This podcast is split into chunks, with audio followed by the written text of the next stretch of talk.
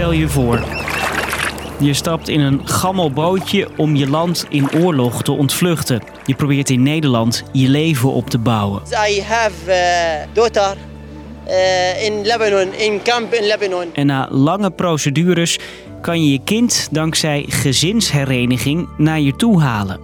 Maar dat staat onder druk. Dus mensen missen de jeugd van hun kinderen. Er is een asieldeal en daarin wordt gezinshereniging moeilijker gemaakt. Het zorgt voor een politieke ruzie. Dat zijn tijdelijke maatregelen, dus echt om deze crisis te bedwingen. Dit staat gewoon haaks op onze waarden als partij. Hoe werkt gezinshereniging en wat gebeurt er nu mee in die asieldeal? Ik ben Marco en ik leg het je uit. Lang verhaal kort. Een podcast van NOS op 3 en 3FM. Overal in Nederland, op alle terreinen van het dagelijks bestaan, ontstond direct na de oorlog nieuw leven. We beginnen na de Tweede Wereldoorlog. Met het weer op gang komen van de productie herleefde ook de handel.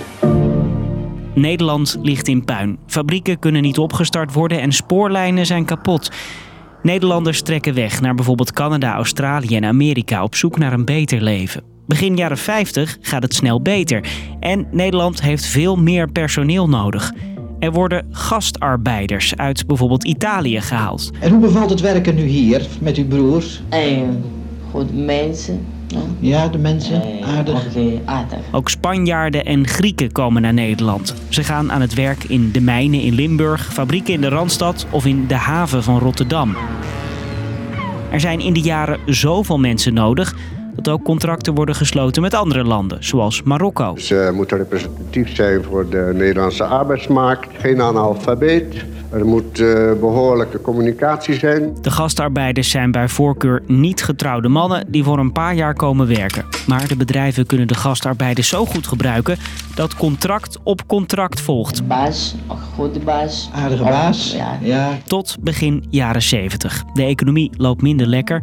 Maar gastarbeiders gaan niet terug naar Spanje of Marokko, want daar is nog minder werk. En ze wonen inmiddels 10 jaar in ons land en hebben een leven hier. In die tijd komt de wet op gezinshereniging er en komen gezinnen over. Turkse kinderen schuiven bijvoorbeeld aan op Nederlandse scholen.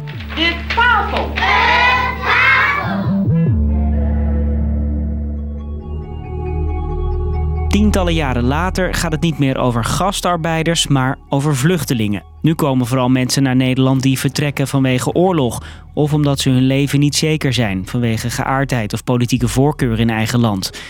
Als ze een verblijfsvergunning krijgen, kunnen ze ook hun gezin naar ons land halen, vertelt Vluchtelingenwerk Nederland. Ik denk dat als je iemand vraagt die daar aan het gras ligt en een gezin eh, nog in land van herkomst heeft, dat dat echt met afstand het allerbelangrijkste is. Sommigen hebben hun kind zelfs nog nooit in het echt gezien, omdat ze een zwangere vrouw hebben achtergelaten. Het gaat nu om zo'n duizend gezinsleden per maand, omdat in coronatijd nareizen niet kon. Voor die tijd ging het om zo'n 100 gezinsleden per maand. Er zitten wel allemaal regels aan. De aanvraag moet snel na de verblijfsvergunning worden gedaan. De vluchteling moet al getrouwd zijn. En het gezin moet er ook al zijn voor de vlucht. Het is een heel pak papier wat mensen moeten invullen. Er worden heel veel documenten gevraagd. eh, En daardoor is het ook echt een hele lange en ingewikkelde procedure. Maar voor vluchtelingen is het het allemaal waard. Bijvoorbeeld voor dit Pakistaanse gezin. Today is my family come. I am very happy. I hope uh, my family come here and everything is okay. Goed jullie eh, te zien. De afgelopen dagen heel veel vergaderd en gesproken over eh, de asielproblemen in Nederland. En nu gaat het dus over die gezinshereniging in de asieldeal.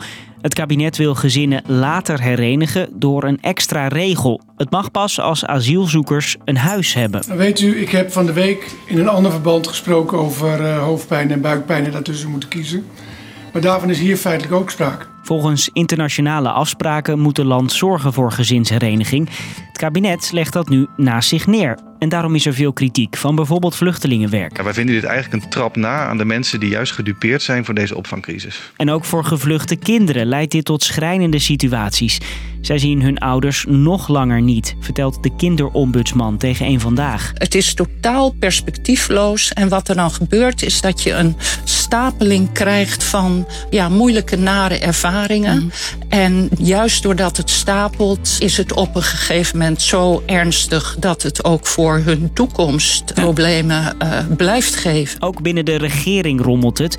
VVD en CDA staan tegenover D66 en de ChristenUnie. Die laatste partij organiseert voor het eerst in de geschiedenis een extra congres om het over die gezinshereniging te hebben. Zei dit ChristenUnie-lid in de talkshow Galit en Sophie. Mag gewoon niet. En de wetgever die gaat nu bewust de wet overtreden. Nou ja, dat kan niet. Dus, lang verhaal kort, gastarbeiders konden begin jaren 70 weer samen zijn met hun gezin na jaren werk in ons land. En nu vragen vluchtelingen die weggaan vanwege bijvoorbeeld oorlog ook gezinshereniging aan. Voor hen is het belangrijk, maar in de nieuwe asieldeal wordt het nareizen van bijvoorbeeld moeder en kinderen moeilijker gemaakt. En dat was de podcast voor nu. Dank voor het luisteren weer.